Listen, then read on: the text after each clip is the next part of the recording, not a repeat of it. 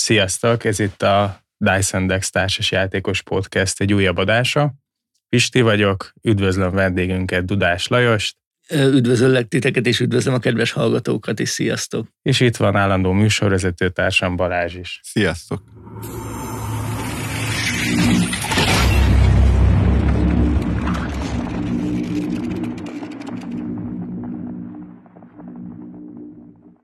Na ismét egy portréadással jelentkezünk, ugye vendégünk van, és arra kérnélek Lajos az első körben, hogy nagyon röviden mutasd be kérlek szépen magadat, nyilván a társas játékokhoz köthetően elsősorban. Én 1977-ben születtem, tehát már a 80-as évek végén, 90-es évek elején is tínédzserkorú voltam, és elkezdtem játszani.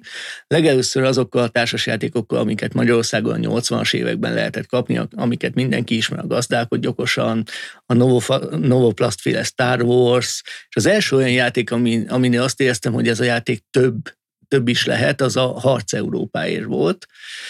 Utána a rendszerváltás után én teljesen eltévejettem a klasszikus értelemben vett társasjátékoktól, ugyanis elkezdtem figurás csata játékokat játszani, és nagyjából a 90-es évek közepéig én leginkább csak figurás csatajátékokat játszottam, utána jöttek a gyűjtögetős kártyajátékok, a Magic, a Vampire, a Legend of the Five Rings, és én 2000 után találtam vissza a modern társasjátékokhoz, és igazán 2000-től kezdtük el kezdtem el, 2007-től kezdtük el együtt a felségemmel gyűjteni azt a társasjáték gyűjteményt, azokat a társasjátékokat, amik, amikkel most játszunk, és amiknek köszönhetően aztán elkezdtem először a Szellemlovas honlapjára kis játékbemutató cikkeket írni, és utána 2017 április 1-én, április 1 tréfának indítottam el ugye a kocka el van vetve csatornát.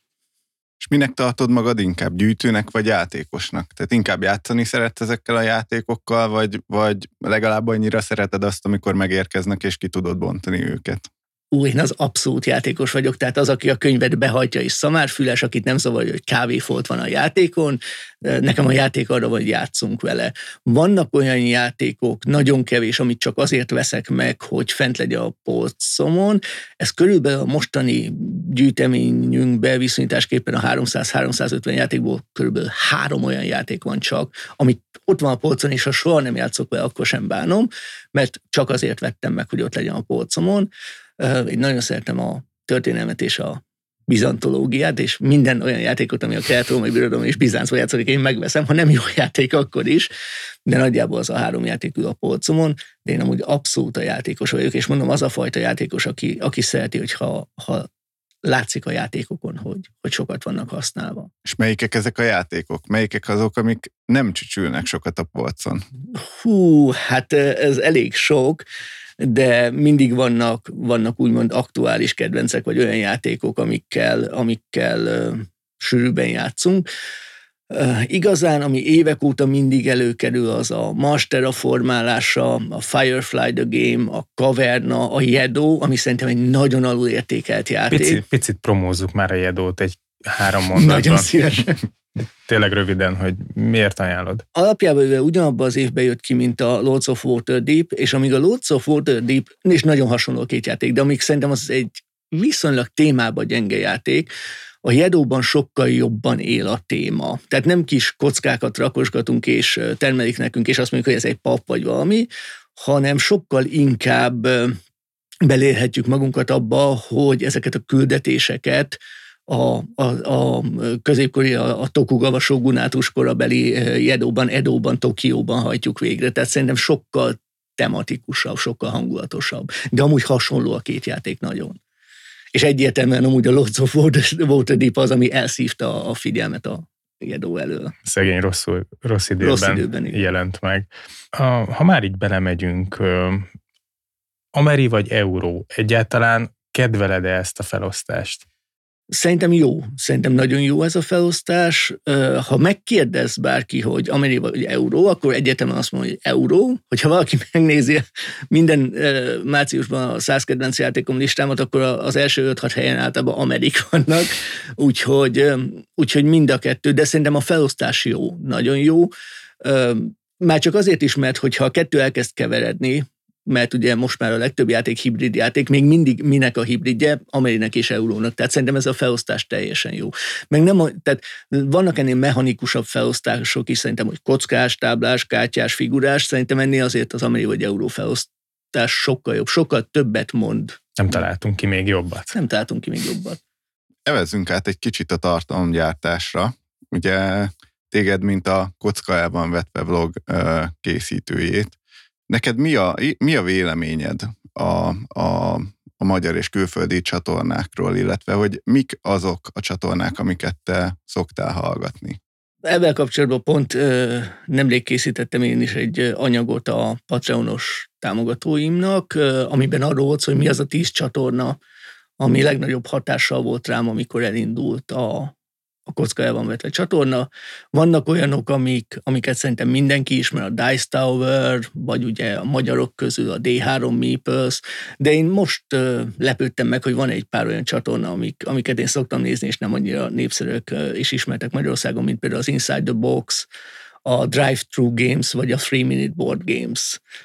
Nagyon szeretem Radónak a szabálymagyarázatát, nagyon szeretem Rodney Smithnek, tehát a Watch It Played-et és a Radó Runs Through-t, mindig nézem őket.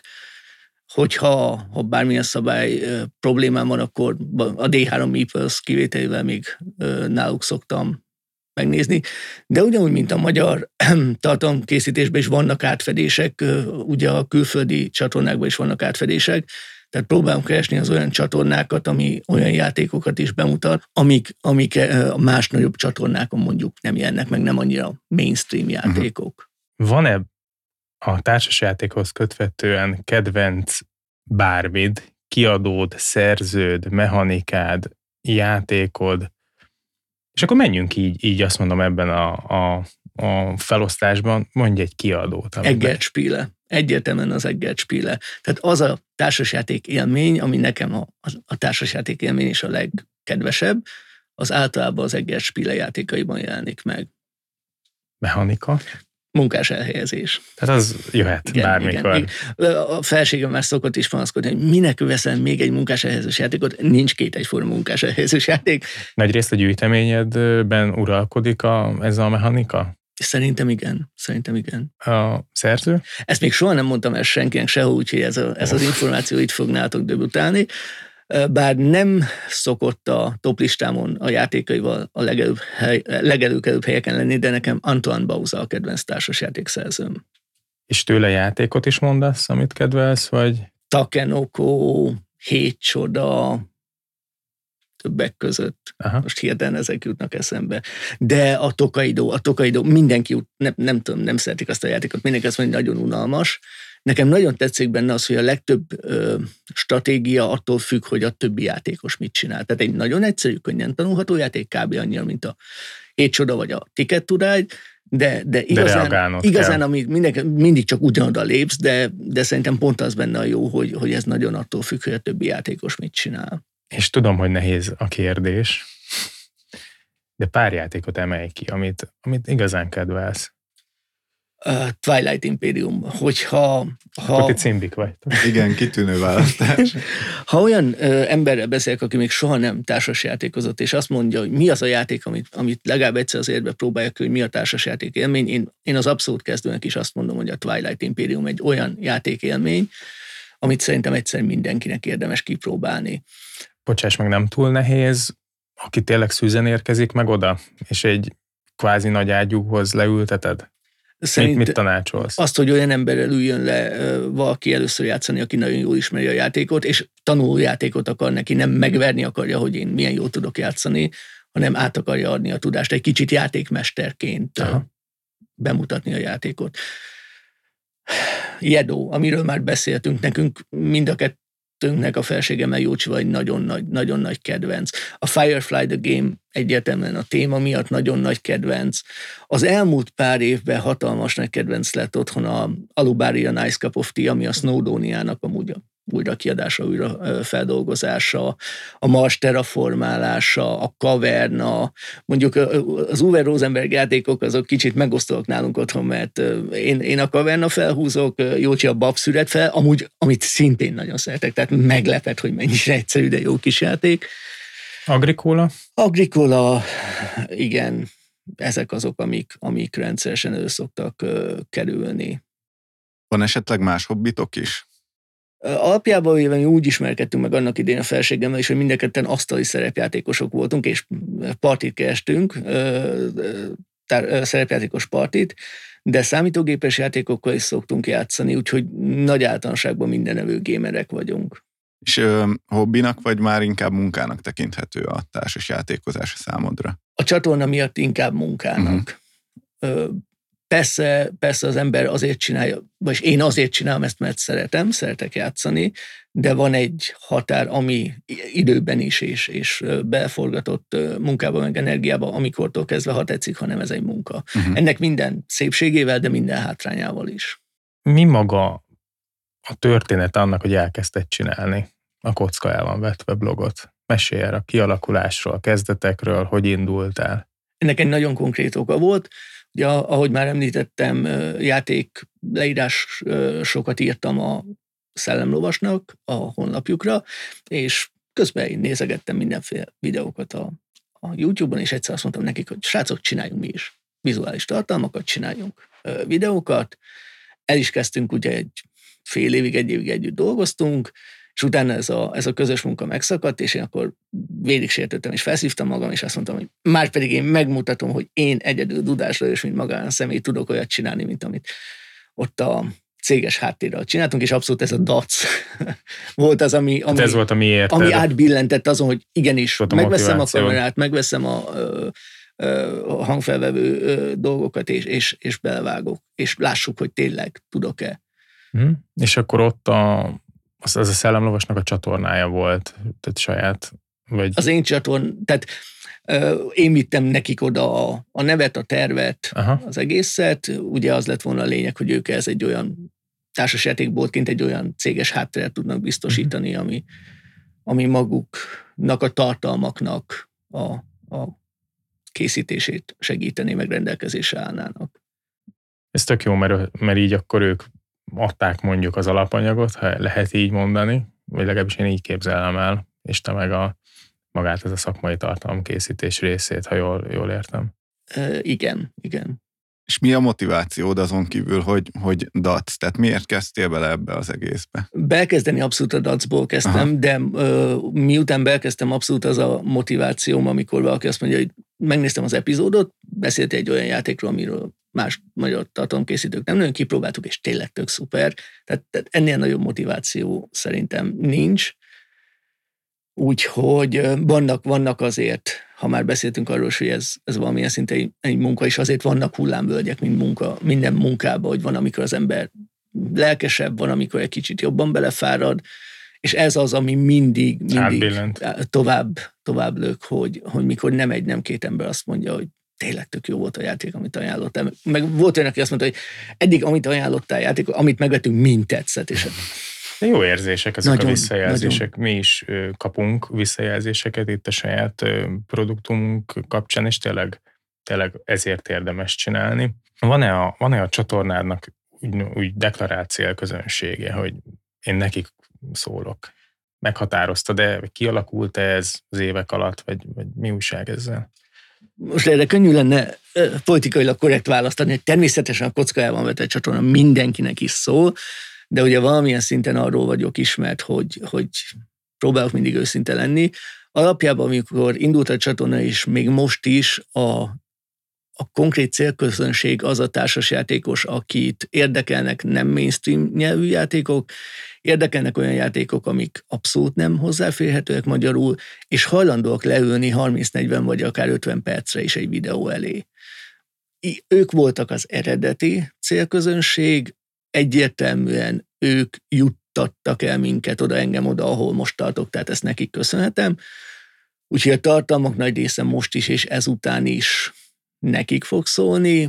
Azért amennyire lehetséges próbálunk a nézők felől felmerülő igények alapján nyitni más fele is, de igazán a kocka el van vetve csatorna, ez már induláskor is így volt, hogy azoknak szól, akik gamerebb játékokat kedvelnek, angol nyelvű játékokat és 30-40-50 percet is képe hajlandóak leülni egy-egy videó elé.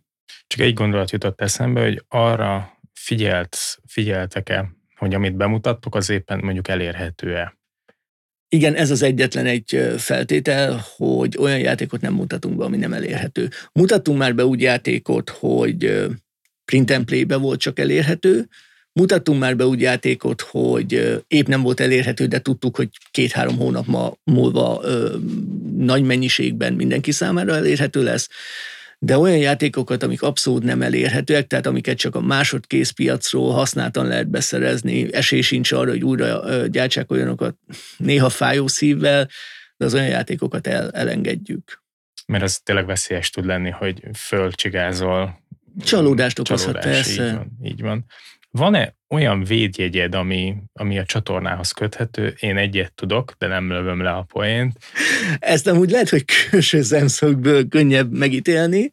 Eddig ez a legnehezebb kérdés, mert, mert nem akarok, tehát semmiképp nem akarok nagyképűnek hangzani. Abszolút nem. De, de igazán a védjegy az, az, amit nagyon sok nézőtől hallunk vissza, hogy hiteles vagyok. Uh-huh. Tehát talán, és ez az olyan védjegy, tudom, van sok minden abszolút védjegyem, hogy itt beszélgetünk most, és hangot veszünk fel, és szörnyű kappan hangom van, ez is az egyik védjegyem.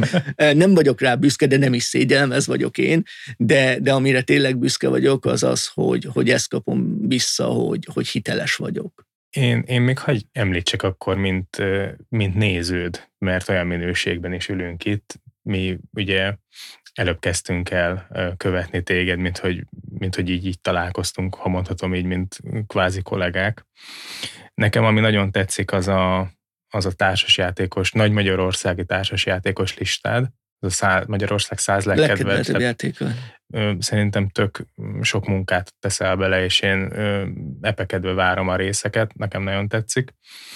Ez az egyik, a másik a, a, a negyedéves live adások, amikor pedig tök közvetlenül gyakorlatilag gyakorlatilag a nézőkkel együtt így egy teljesen olyan atmoszférát kerítesz, hogy akkor ott, mintha ott lennénk veled, lényegében digitálisan ugye ott is vagyunk, és gyakorlatilag a kérdésekre válaszolsz. Te, nincs tabu, nem?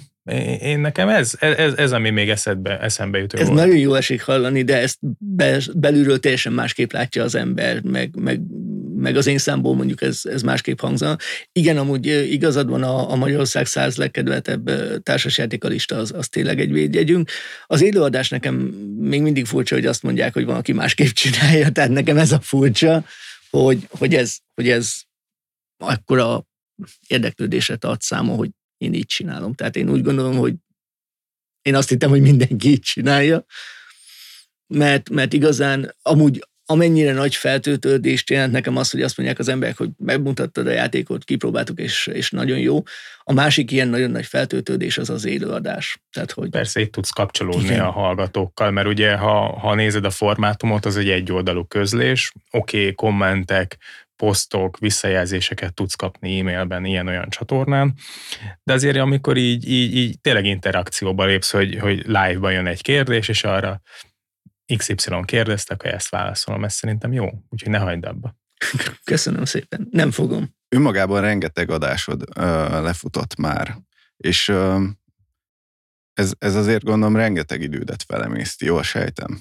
Igen, ö, alapjában ugye amikor indultunk, ö, akkor ö, tíz naponta volt egy epizódunk, ugye átálltunk már egy pár éve arra, hogy hetente van egy epizód, és nagyjából tavaly év végéig a munka, a gyerekek, a család mellett ez volt az a maximum idő és energia, amit be tudtam tenni a csatornába, ez a, ez a hetente egy epizód.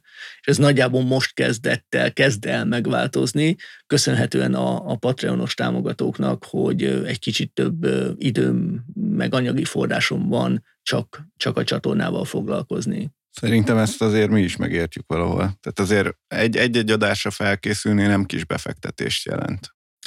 És leginkább ugye most az, hogy anyagilag az embernek az a hobbi, amiért pénze van, de időben meg energiában rengeteg, Persze. rengeteg.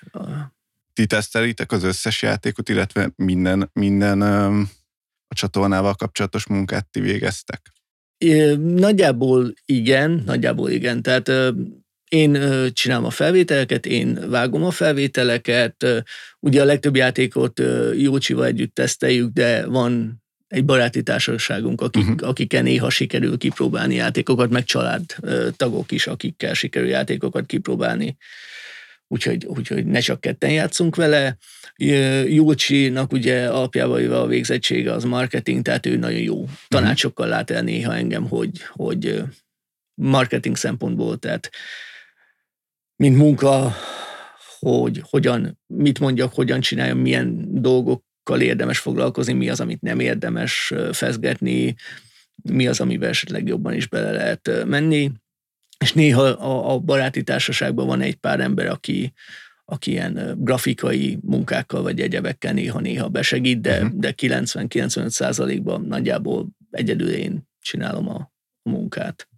És ugye nem elég az, hogy elkészül egy tartalom, azt nagyon fontos eleme a disztribúció, tehát hogy eljuttassuk ugye ahhoz a közönséghez, akihez szálljuk. Szerintem ez sem egy egyszerű része. Tehát a különböző közösségi oldalakon, a következő promóciót is, azt, azt is ti csináljátok. Igen, és ugye ez sokkal több idő és sokkal több energia amúgy, mint, mint egy epizódot elkészíteni. Tehát az is munka, és arra is rá kell szállni az időt, amíg, amíg elkészül egy epizód, de alapjába véve a, a különböző platformoknak, szociális médiáknak a kezelése és a kapcsolattartás az sokkal több idő, mint, mint maga mondjuk egy tartalomnak az elkészítése. Igen, ez mondjuk elég érdekes, ugye itt most megvan egy olyan kettőség, hogy mi csak hanganyagot veszünk föl, tehát egy teljesen más jellegű tartalmat készítünk, azért gondolom a videókészítés már önmagában egy elég nagy munkaigényű dolog teljesen más a, a munkaigénye. Néha én is szoktam podcasteket csinálni, csak hangadásokat, és, és hát sokkal könnyebb, tehát alapjában egy jutalomjáték a, a videóhoz. Annyi, annyit azért árnyalnék ebben a, itt a podcast formátum mellett, hogy mivel itt csak hang van, sokkal jobban ö, oda kell figyelni a beszédre, a tartalomra, mivel egy videónál azért sokkal több inger ér. Én inkább azt mondanám, hogy egy picit más, más műfaj, más, másra kell odafigyelni, de munka szempontjából, utómunka, stb. tényleg igazad van. Tehát ö, valóban, valóban mondjuk vágástechnikailag például kevesebb lehet. Én abszolút, abszolút erre gondoltam, hogy, hogy kézzelfoghatóan az utómunka kevesebb ezt, ezt már nagyon rég meg akartam tőled kérdezni, és végre itt az alkalom, hogy mit ajánlasz kezdő tartalomgyártóknak, akik, akik most gondolkodnak, vagy már van valami tervük, mit ajánlasz, aki már több éve csinálja ezt, és befutott ebben, ha így mondhatom? Ez, ez azért egy jó kérdés, meg aktuális kérdés, mert nemrég beszélgettünk erről Móróc Lacival, ugye a Mórocék videói csatornától, és én, én amit az elmúlt öt évben tapasztaltam, hogy az egyik legfontosabb a kiszámíthatóság és a megbízhatóság. Tehát ha én azt mondom, hogy minden héten szerdán epizód van délben, akkor minden héten szerdán délben epizódnak kell lenni.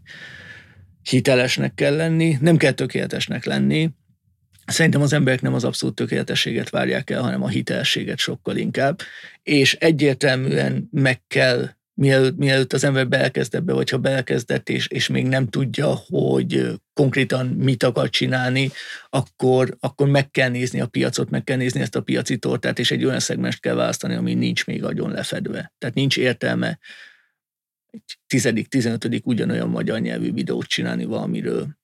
Mindenképp egy olyan stílust kell kialakítani, amiben van valami, ha nem is teljesen egyedi, ugye ez a társasjátékokkal kapcsolatban is úgy van, hogy én azt akarom, hogy valami olyan társasjáték legyen, ami teljesen egyedi. Én mindig azt mondom, hogy a meglevő szabályokból rakja össze a szerző úgy, hogy jó élmény legyen. Nem kell nekem újat feltalálni, tehát nem kell teljesen újat feltalálni, de mindenképp egy olyan szegmens kell megcélozni, egy olyan stílust kell kialakítani, amire azt tudja mondani a néző vagy a hallgató, hogy ez a tartalomkészítő valamiben egyedi és eredeti.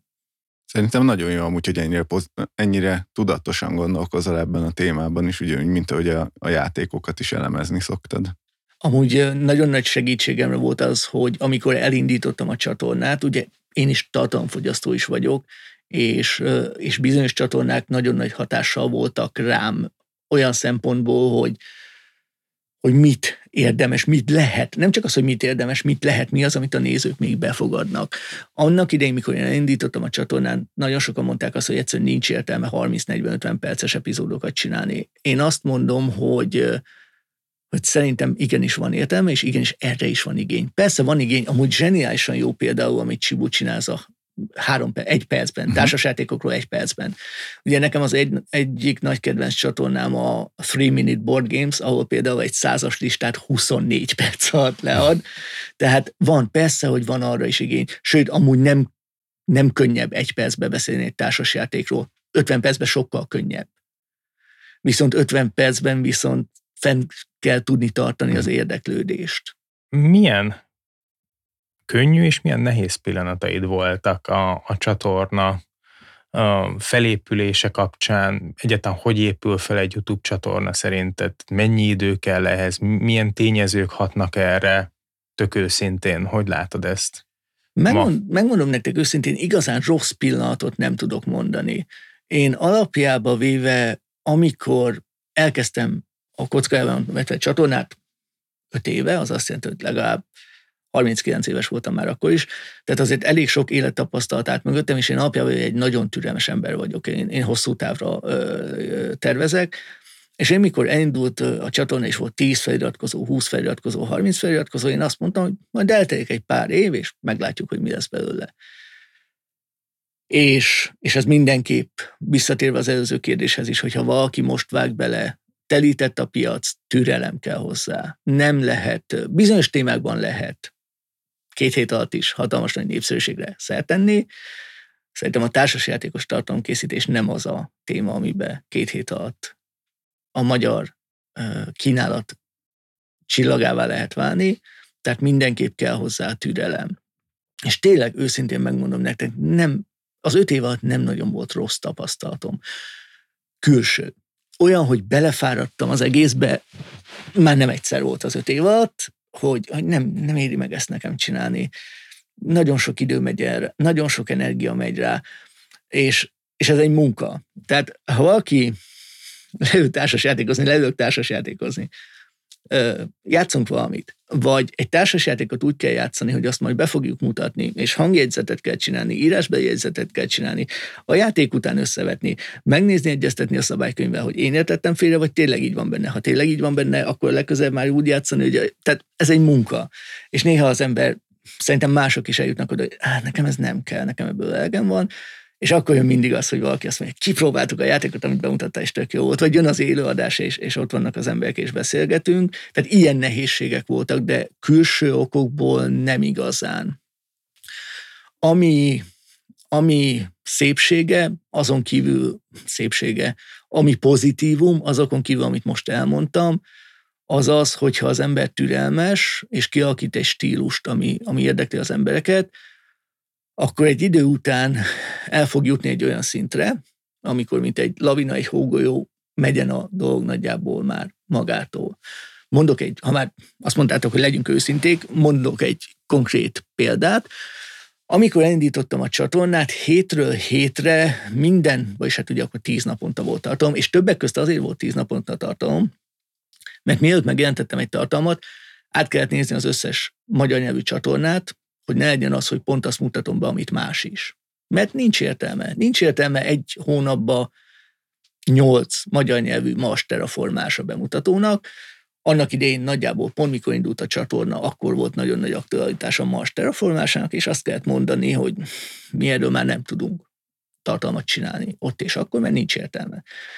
Három évvel később Tudtunk viszont egy olyan epizódot csinálni róla, hogy száz játék után a Mars terraformása és az összes kiegészítője. Ami viszont már szerintem egy, egy értelmes és elfogadható perspektíva, hogy nem magát csak a játékot és a játékszabályokat mutatom be, hanem azt is, hogy ennek a játéknak van egy öt éves, hat éves történelme, nagyon népszerű, megjelent hozzá nagyon sok kiegészítés, akkor ebből a szempontból bemutatni. És volt egy időpont, volt egy idő, amikor már nem kellett ezt csinálni, hogy, hogy állandóan figyelni, hogy a többiek mit csinálnak, a kollégák, a versenytársak, mert kiakult egy stílusunk, amiért szeretnek minket, szeretnek engem a, a tartalmaimat a nézők, és, és azt mondták, hogy figyelj, mondd el nyugodtan te is, mert, mert érdekel a véleményünk, véleményed minket arról, hogy, hogy te mit mondasz arról a játékról, amit már többiek is bemutattak.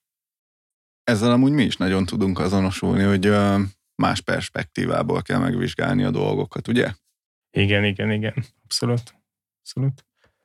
Van-e olyan dolog, amit, amit máshogy csinálnál?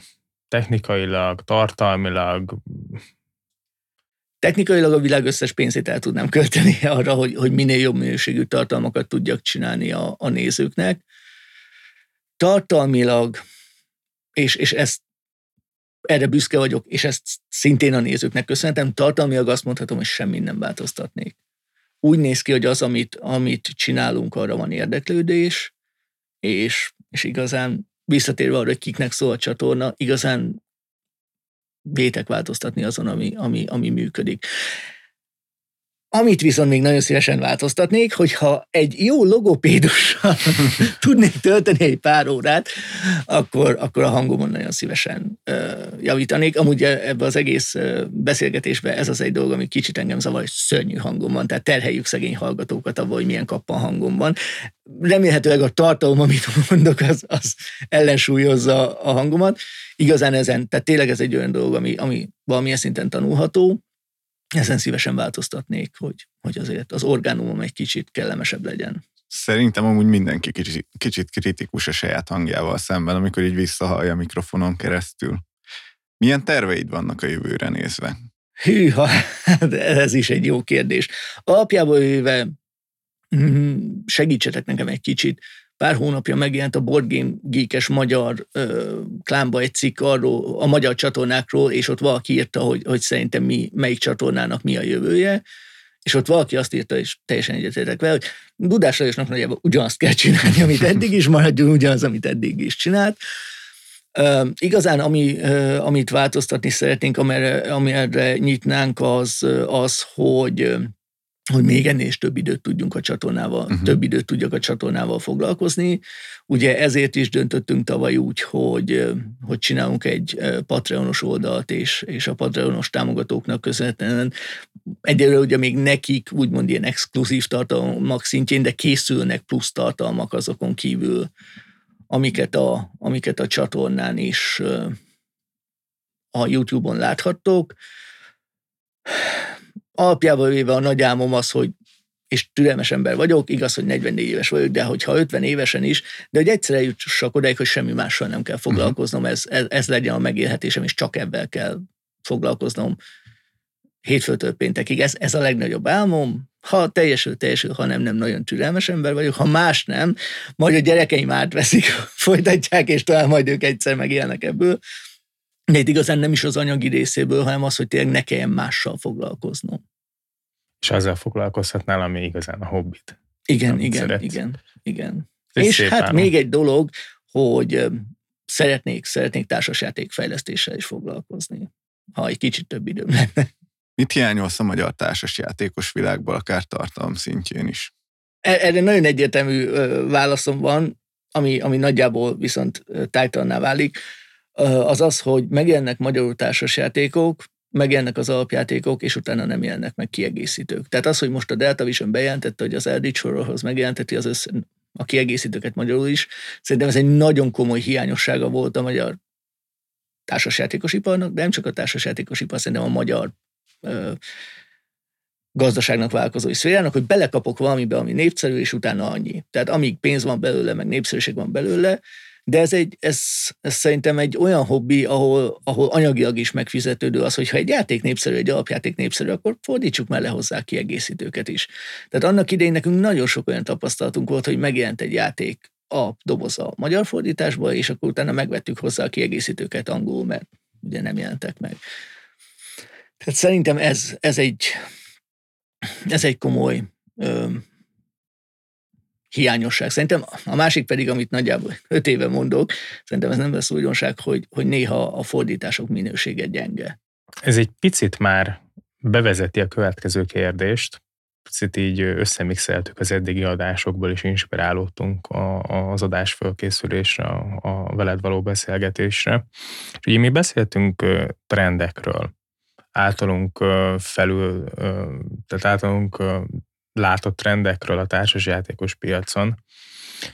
Te látsz-e ilyen nagy irányokat, legyen ez jó, legyen ez rossz, ami, ami ebben a piacban, iparágban, akár a játékokhoz kapcsolódik? Mondok egy példát, szerintem ezt te is így látod, egyre több a, a mozi élményt, számítógépes élményt uh, uh, szimuláló játék. Mi, mi, mi erről a véleményed, Lajos? Lehetünk egy kicsit megosztóak és provokatívak. El is várom. Nagyon negatív a véleményem róluk, mert szerintem ezek a játékok nem társasjátékok, nem társasjáték élményt nyújtanak. Ezek papírdobozba rakott számítógépes játékok, tehát vizuális élményt nyújtanak, avval próbálják az embert lenyűgözni, hogy hogy néz ki. Nagyon jó megközelítés az is, amit nemrég hallottam, hogy kicsit felszínesek, kicsit sekélyesek. Uh-huh. És, és és anyagilag egy, szerintem egy nagyon negatív irányba torzítják a társasjátékpiacot, tehát rengeteg forrást vonnak el ezek a játékok olyan játékoktól, amik, amik sokkal jobb társasjátékélményt tudnának nyújtani. Pár példát is tudsz játékra mondani, hogy így belőjük? Mint... Painted Grail, Nemesis, U-Boat, um, Great Wall, uh-huh. talán az egyetlen ilyen játék, amivel ez, számomra abszolút szubjektíven ez az egész uh, vizuális élmény nyújtó játékok forradalma indult, az a Blood Rage, de szerintem az még, az még jó. Mage Knight?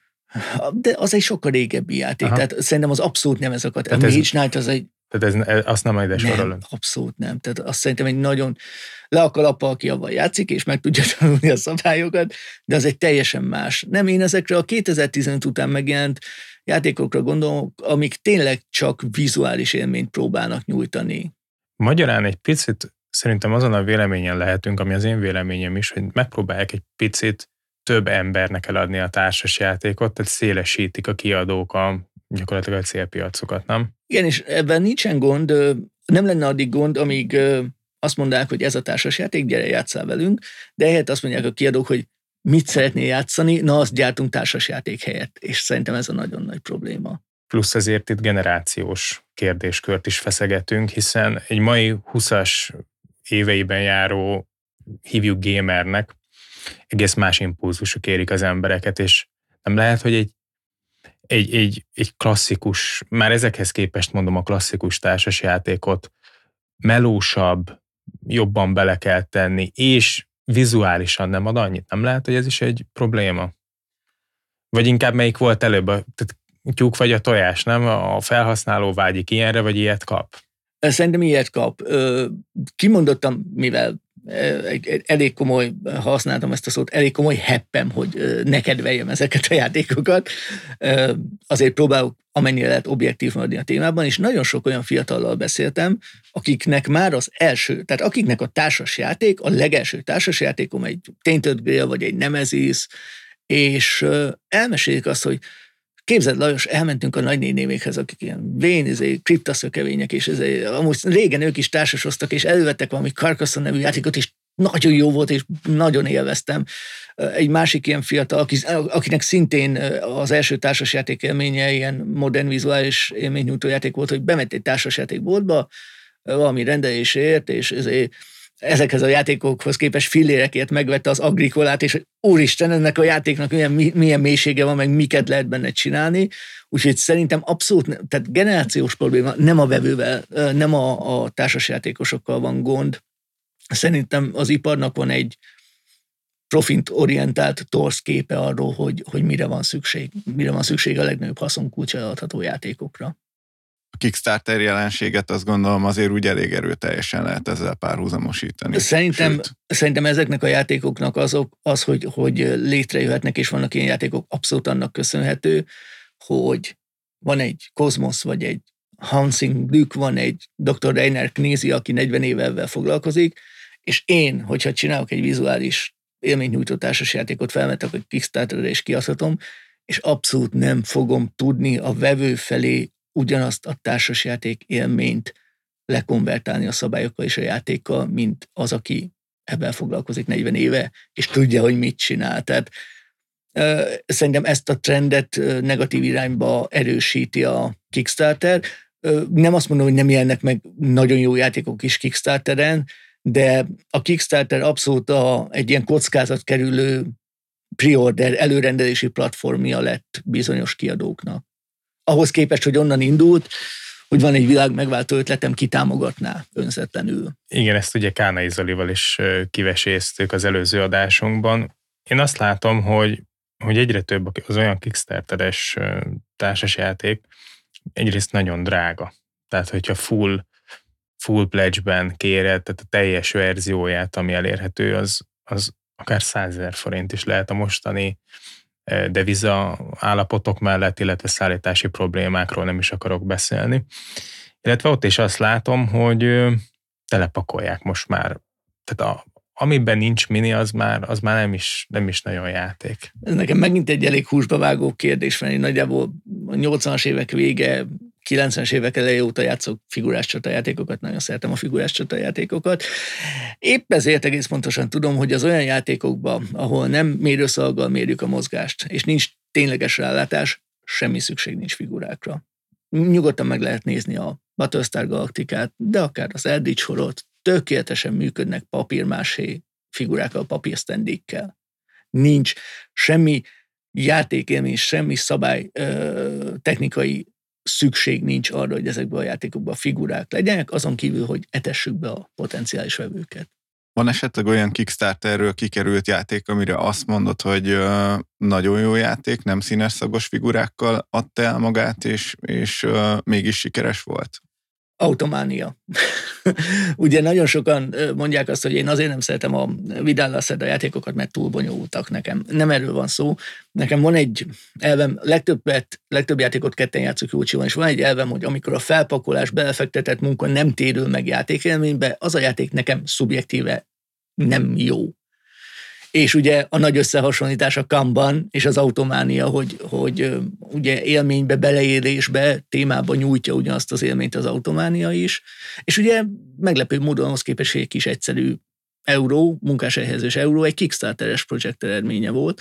Vannak persze, vannak nagyon jó játékok, amik tehát nem, szü, nem fekete-fehér a világ a Kickstarter alapjában, nem egy gonosz dolog. Bizonyos kiadók szerintem negatív dolgokra használják, negatívan használják, de vannak nagyon jó Kickstarteres projektek.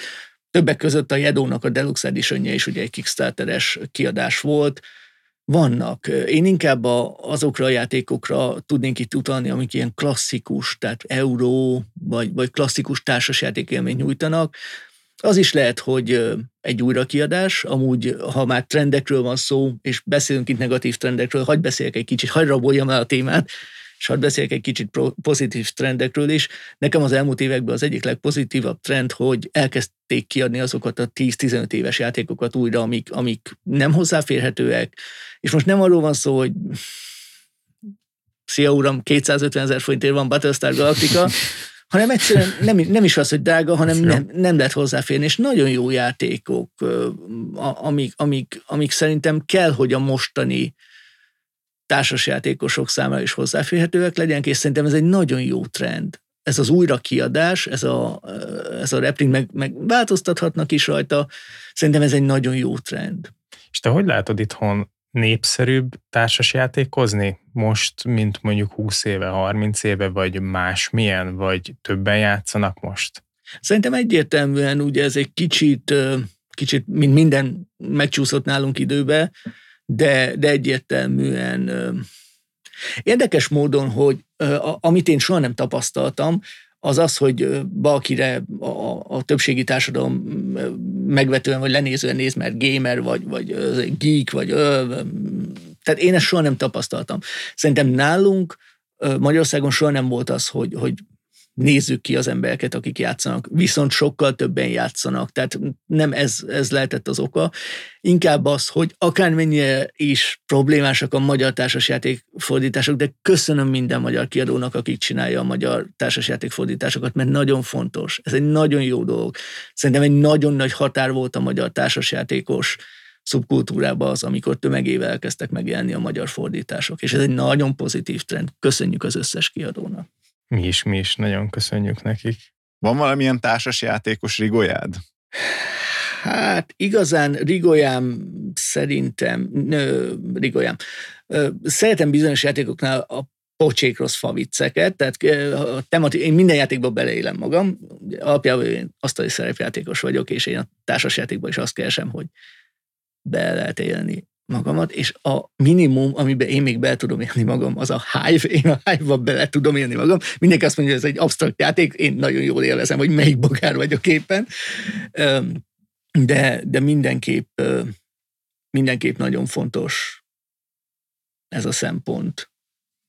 És egyéb olyan, ami felbosszant, zavar játékos társaktól, van, és még, van még egy szabályunk, ez a univerzális Misi szabály, egy nagyon kedves ismerősömről kapta a nevét, amikor még Székesfehérváron laktunk, a Battlestar Galactica társas táblátkártyákat mindent végigborított teával. Jó. Tehát innentől jött az, hogy ne ígyunk a, és ne együnk a játék felett, úgyhogy éppen ha játék közben tartunk egy ebédszünetet, avval nincs semmi gondom, de az, hogy együnk közben, meg ígyunk közben, azt nem, nem nagyon szeretem. Csak érdekességképp mi lett a játéknak a sorsa? Semmi megszáradt. Tehát oh. Nagyon kellemes jázminos illata van bizonyos kártyáknak, de, de azon kívül szerencsére semmi. Akkor nem pöndörödött fel, meg minden. Mi ne. egy egész adást szenteltünk a társas játékos. Nem, nagyon jó, nagyon jó minőségűek a kártyák a, a Battlestar mm. Galactica-ban, és nagyon szép szövetesek, és, és nagyon szépen kiszálltak. Úgyhogy, úgyhogy ez a két ilyen ligolyán van, hogy néha kegyetlen rossz szóvicceket engedek el. Nem akarok most példát mondani, mert...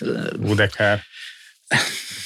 Na jó, csak a kedvedért, ha már a Battlestar Galaktikáról van szó, egyértelmű, hogy a Battlestar Galaktikán mindenkinek a kedvenc étele a kaprikás krumpli, tehát ilyen színvonalra kell gondolni, ilyenek néha kijönnek belőlem. Ez tényleg szerintem, ez, szerintem ez azért főleg egy ilyen 5-6. órában, amikor már fáradt a társaság. Amúgy, amúgy egyértelműen ez a, az abszolút a fáradtsággal köthető össze, amikor az ember próbál valahogy a játékra koncentrálni, és ha máshogy nem megy, akkor elkezd hülye faviceket gyártani amennyire így, így kezdünk megismerni, nekem egyre inkább egy ilyen gamer, gamer vagy, aki, aki azért sok, tehát említetted a wargame-et, tehát a figurás csatajátékot, társasjátékokkal foglalkozol most. Bizonyos fókuszaid eltolódnak szerintem bizonyos időszakokban. Biztos volt egy masszív társasjátékos, vagyis, bocsánat, PC, tehát számítógépes játékos. Ami most is tart.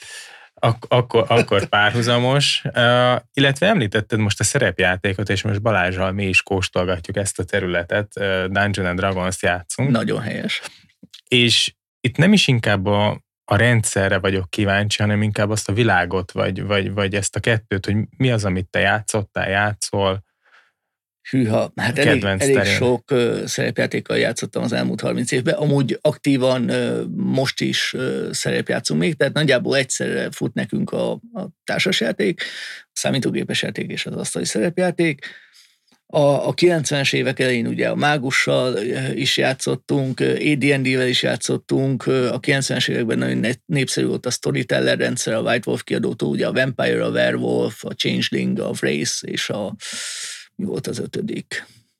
Hirtelen nem jut eszembe. Tehát játszottam a Storyteller, a Mage, a Storyteller rendszerrel, az Ars Magica, ugye, ami effektív annak egy változata, a Cyberpunk 2020, tehát nagyon sok szerepjátékkal játszottam.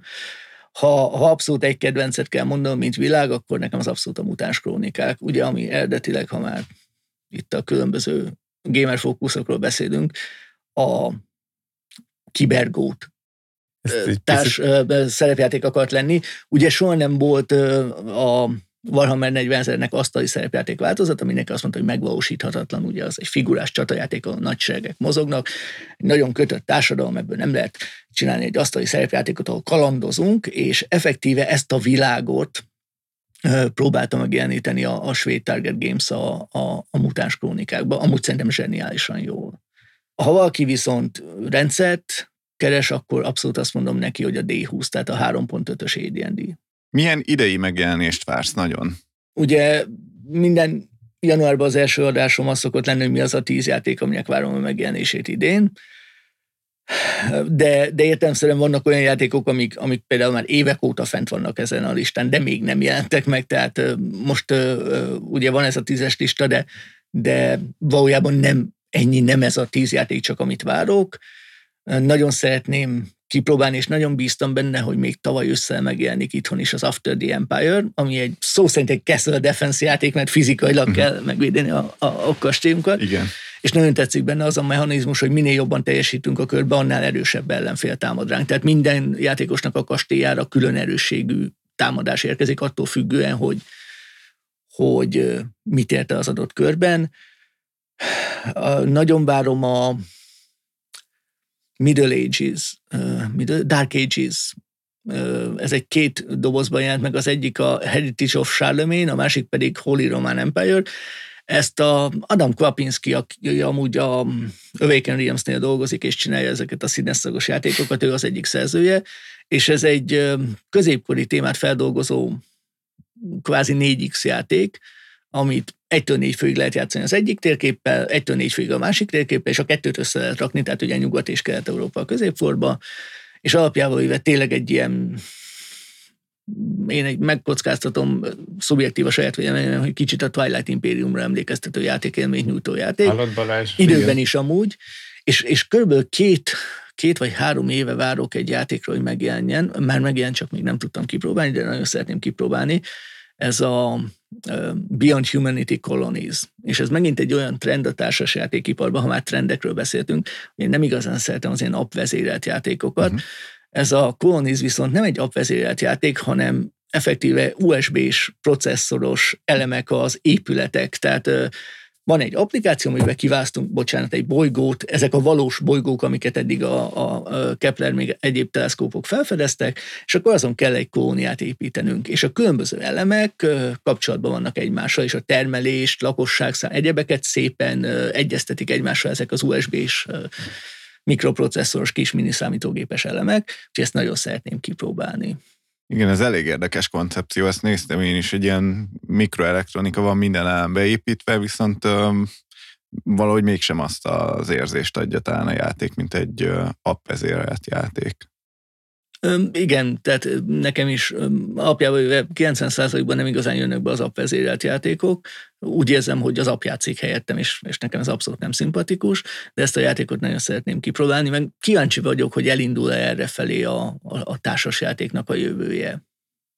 Hogy állsz a rendezvényekkel? Essen, társasjátékok ünnepe, stb fesztiválok, ilyen, ilyenekre jársz, amikor éppen nincs Covid? Igen, tehát amikor éppen nincs Covid, akkor, akkor ö, szoktam járni rendezvényekre, a társasjátékok ünnepére is, de hogyha a helyszinten mondjuk Debrecenben van valami társasjáték bemutatózás, vagy valami, akkor nagyon szívesen részt veszek benne. Essen nekem egy nagyon jó információforrás a, a csatorna szempontjából is, hogy nem csak arról szól, hogy mit veszünk meg éppen, hanem ugye ott, ott nagyon sok játékkal nagyon sok iparági szereplővel lehet egyszerre találkozni, és, és hát valamilyen szinten én már úgy is, mint kocka elmavetve, tehát valamilyen szinten szakmailag is keresem ott a kapcsolatot különböző kiadók emberekkel, tehát ilyen szempontból egy, egy nagyon élmény is, feltöltődés, de, de aranybánya is ilyen szempontból, hogy, hogy ott, ott két-három nap alatt egy helyen kikkel lehet találkozni, miket lehet látni. Én azért remélem, hogy egyszer majd eszemben fogunk összefutni. Legyen úgy. Igen, szintén egy kávé mellett akkor talán mikrofonok nélkül. De én, én, én élveztem ezt a formátumot. De hogy érezted magad, Lajos? Mondtad, hogy csinálsz azért podcasteket, de talán ilyen, nem tudom, ilyen interjún voltál esetleg Vol, Voltam alapjában, én, ha azt láttátok rajtam, hogy feszült vagy ideges vagyok, azt rosszul láttátok, azt lehetett rajtam látni, hogy nagyon jól érzem magam, és, és tényleg olyan, mintha itt se a mikrofonok. És, Igen és beszélgetnénk. És amúgy egy teljesen más, tehát ami még nagyon nagy pozitívum egy ilyen interjúban, hogy én mikor leülök a kamera elé és csinálok egy epizódot, igaz, hogy vannak visszajelzések, de nem élőben, nem azonnali visszajelzések. Egy ilyen beszélgetés csodálatos jó, hogy, hogy itt, bocsánat, itt van az interakció, és, és beszélgetünk egymással, úgyhogy én szerintem ez nagyon jó. Teljesen más élmény amúgy ez amúgy most kicsit nekünk is lelkesítő, mert uh, csak az egyik adás fajtánk a portré, és ez most így szerintem lendít egyet ebben. Hát nagyon örülök neki, hogyha ha ehhez én is hozzá tudtam járulni. Én megköszönöm, hogy itt voltál. Én köszönöm a meghívást. Reméljük, egy picit betudtunk téged. Nekünk ugye ez volt a célunk, egy picit jobban megismertessünk téged. Bár az élőadásban biztos sok mindent elárulsz magadról, de, egy, de jó volt egy picit uh, beszélgetni, tényleg portréként bemutatni téged, hogy, hogy ezért mi van a kocka el van vetve mögött, honnan indult ez az egész. Tök jó volt, hogy őszintén elmondtad véleményeket, véleményedet trendekről, dolgokról, játékokról. Mi a jövőben nagyon sok sikert kívánunk neked. Nagyon szépen köszönöm, és én is nagyon sok sikert kívánok nektek. És, és találkozunk még biztosan. Bízok benne. Úgyhogy köszönjük szépen. Ez volt a mostani portréadásunk Dudás Lajossal. Köszönjük. Sziasztok! Üdvözöljük a kedves hallgatókat, sziasztok! Sziasztok!